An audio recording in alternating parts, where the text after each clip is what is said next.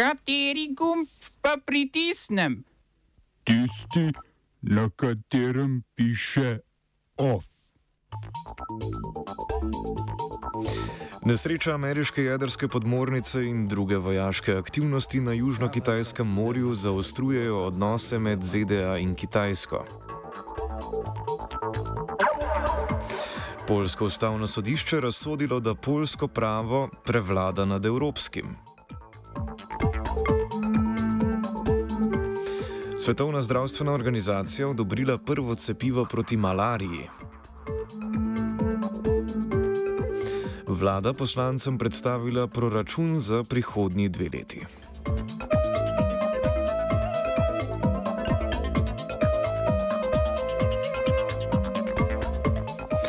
Dobar dan. Prejšnjo soboto je ameriška jedrska podmornica USS Connecticut na območju Južno-Kitajskega morja po poročanju dveh ameriških uradnikov obramnega ministrstva zadela neznan objekt, pri čemer se je lažje poškodovalo 15 mornarjev. Čeprav je podmornica trenutno v stabilnem stanju, njen jedrski reaktor in arzenal pa naj bi ostala nedotaknjena, je nesreča pritegnila pozornost, saj se je dogodila ravno v času če dalje bolj očitnega zaostrovanja zmanjševanja napetosti med ZDA in Kitajsko na območju tajvanskega zračnega prostora. Kitajska je namreč na dan incidenta proti Tajvanu poslala floto vojaških letal, na kar je tajvanska vojska odgovorila z aktivacijo svojih lovcev in raket za zračno obrambo. Ameriški državni sekretar Anthony Blinken je na sredini novinarski konferenci v Parizu kitajske poteze označil za, citiramo, potencialni faktor regionalnega spodkopavanja miru miru in stabilnosti. Kitajsko je nadalje pozval naj preneha z vojaškimi, diplomatskimi in ekonomskimi pritiski na Tajvan.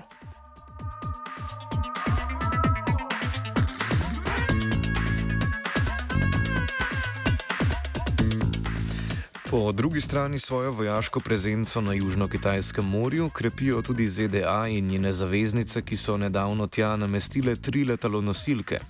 Po poročanju Wall Street Journala naj bi ZDA na Tajvanu že vsaj eno leto urile pripadnike marincev in specialnih enot. Ko gre ti geopolitični klimi na tem območju, pripomore še nedavno sklenjeni varnostni pakt AUKUS med ZDA, Združenim kraljestvom in Avstralijo. Južno-Kitajsko morje je sicer že desetletja interesno območje ne samo za Ameriko in Kitajsko, ampak tudi za Vietnam, Filipine, Bruneje, Malezijo in Tajvan. Omenjene lokalne države si pogosto krat arbitrarno lastijo raznorazne majhne otoke in grebene, potem pa med seboj sproti razčiščujejo spor spore, ki ob tem nastanejo.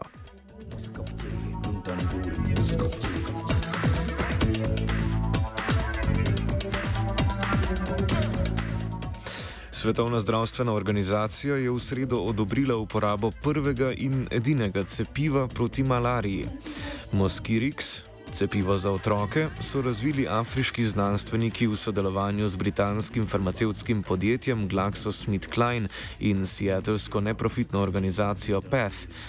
Malarija je namreč daleč najbolj pogost vzrok smrti pri afriških otrocih, starih manj kot pet let. Na podlagi testnega obdobja, ko so cepili 800 tisoč otrok, so ugotovili, da cepivo nudi 40-odstotno zaščito, ki sicer s časom zbledi.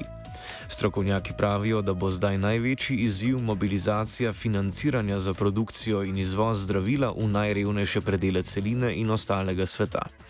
GlaxoSmithKline se je zaenkrat zauzel, da bo poleg Svetovni zdravstveni organizaciji že doniranih testnih različic cepiva v višini 10 milijonov kosov letno izdelal do 15 milijonov enot cepiva na leto vse do leta 2028.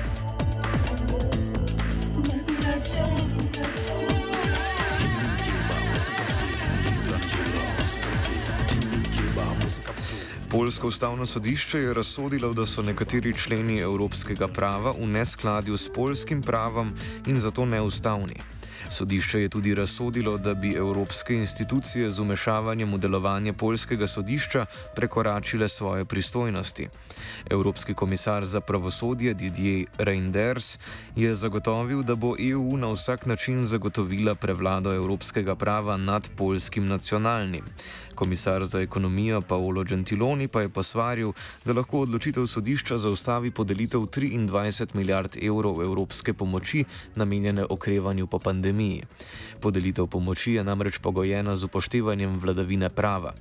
Vodja vladajoče polske stranke Zakon in pravičnost, ki je uložila to tožbo, Jaroslav Kačinski, ustraja, da morajo evropski predpisi biti v skladu s polsko ustavo.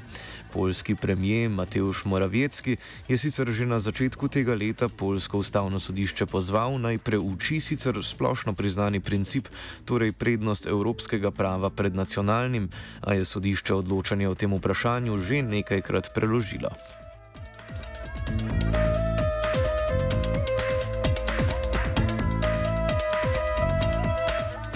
Potem, ko je Avstralija zavrnila nakup francoskih podmornic, je Francija v Grčiji našla novega kupca vojaških plovil. Ti državi sta namreč sklenili medsebojni obrambni pakt, s katerim si obljubljata medsebojno pomoč, če jo napade druga članica NATO. Zavezništvo NATO namreč zagotavlja obrambo članic zgolj v primeru napada nečlanic. Ta grško-francoski dogovor, prvi svoje vrste, seveda meri na Turčijo kot grožnjo grškim mejam. Grški premijer Kirijakos Mitsotakis se je navdušen hvalil, da bo Grčija, če bo napadena, imela na svoji strani najmočnejšo vojaško silo na celini, edino evropsko nuklearno silo, kar da bo dejansko okrepilo varovanje evropskih interesov v Mediteranskem morju. Pakt je tako za Grčijo okrepitev vojaškega položaja proti Turčiji, s katero imata spore glede črpanja plina in nafte v vzhodnem Mediteranu. Francija pa turško vojaško delovanje v Libiji od leta 2009 vidi kot rivalsko udiranje v svojo interesno cono. Grčija je ob podpisu pakta obljubila, da bo kupila francoska vojaška letala in ladje za 6 milijard evrov. Muzika v Thank you. Google in hčerinsko podjetje YouTube se bosta proti fake newsu borila z demonetizacijo vsebin, ki promovirajo zanikanje globalnega segrevanja in s tem nasprotujejo obče veljavnemu znanstvenemu konsenzu o vzrokih in obstoju tega pojava. Novo politiko bosta tehnološka velikana uveljavljala s pomočjo avtomatiziranih orodij, pa tudi moderatorjev, čeprav YouTubeov sistem algoritmov ni znan po svoji točnosti in je skozi leta že prihajalo do izključitve uporabnikov po pomoti. Najnovejšo YouTubeovo in Googlovo uporabniško politiko spremlja sicer že prejšnji mesec napovedana vojna proti dezinformacijam o novem cepivu proti koronavirusu.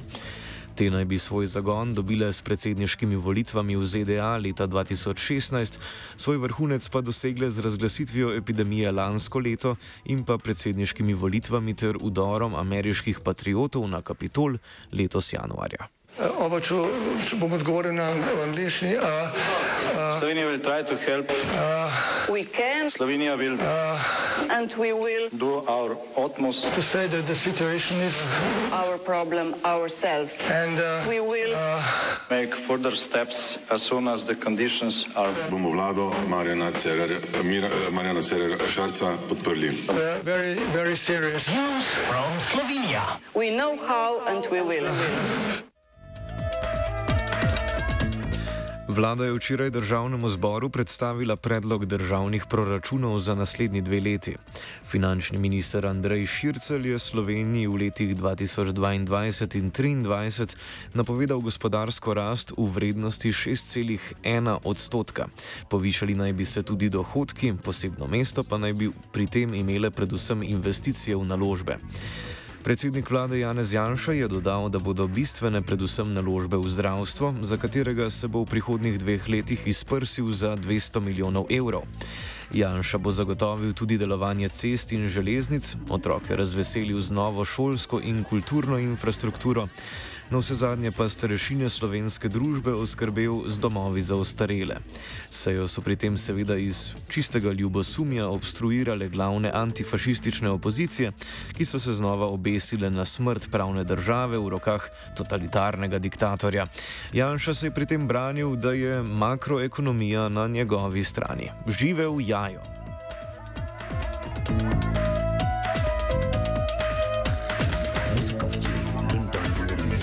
Italijanska vlada je dejansko predala lastništvo Tržaškega narodnega doma slovenski manjšini, ko je bilo obljubljeno na lanski prireditvi ob stoletnici požiga Narodnega doma.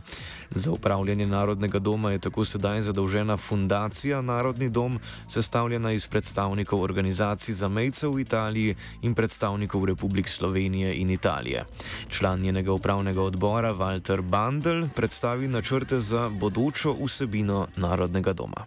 Recimo tukaj v drugem nadstropju je mišljeno, da bo e, e, knjižnica, to je e, velika knjižnica, kjer danes e, ima sedež, pet sedežev, to pravi, da se bo združilo teh pet prostorov v eno skupno.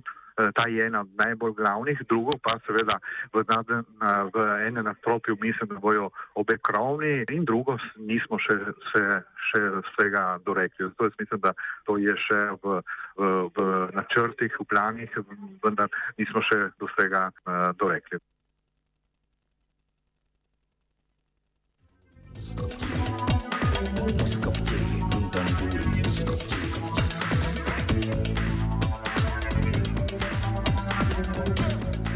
Ovsta spisala Matej in Gea, sledijo pa kulturne novice.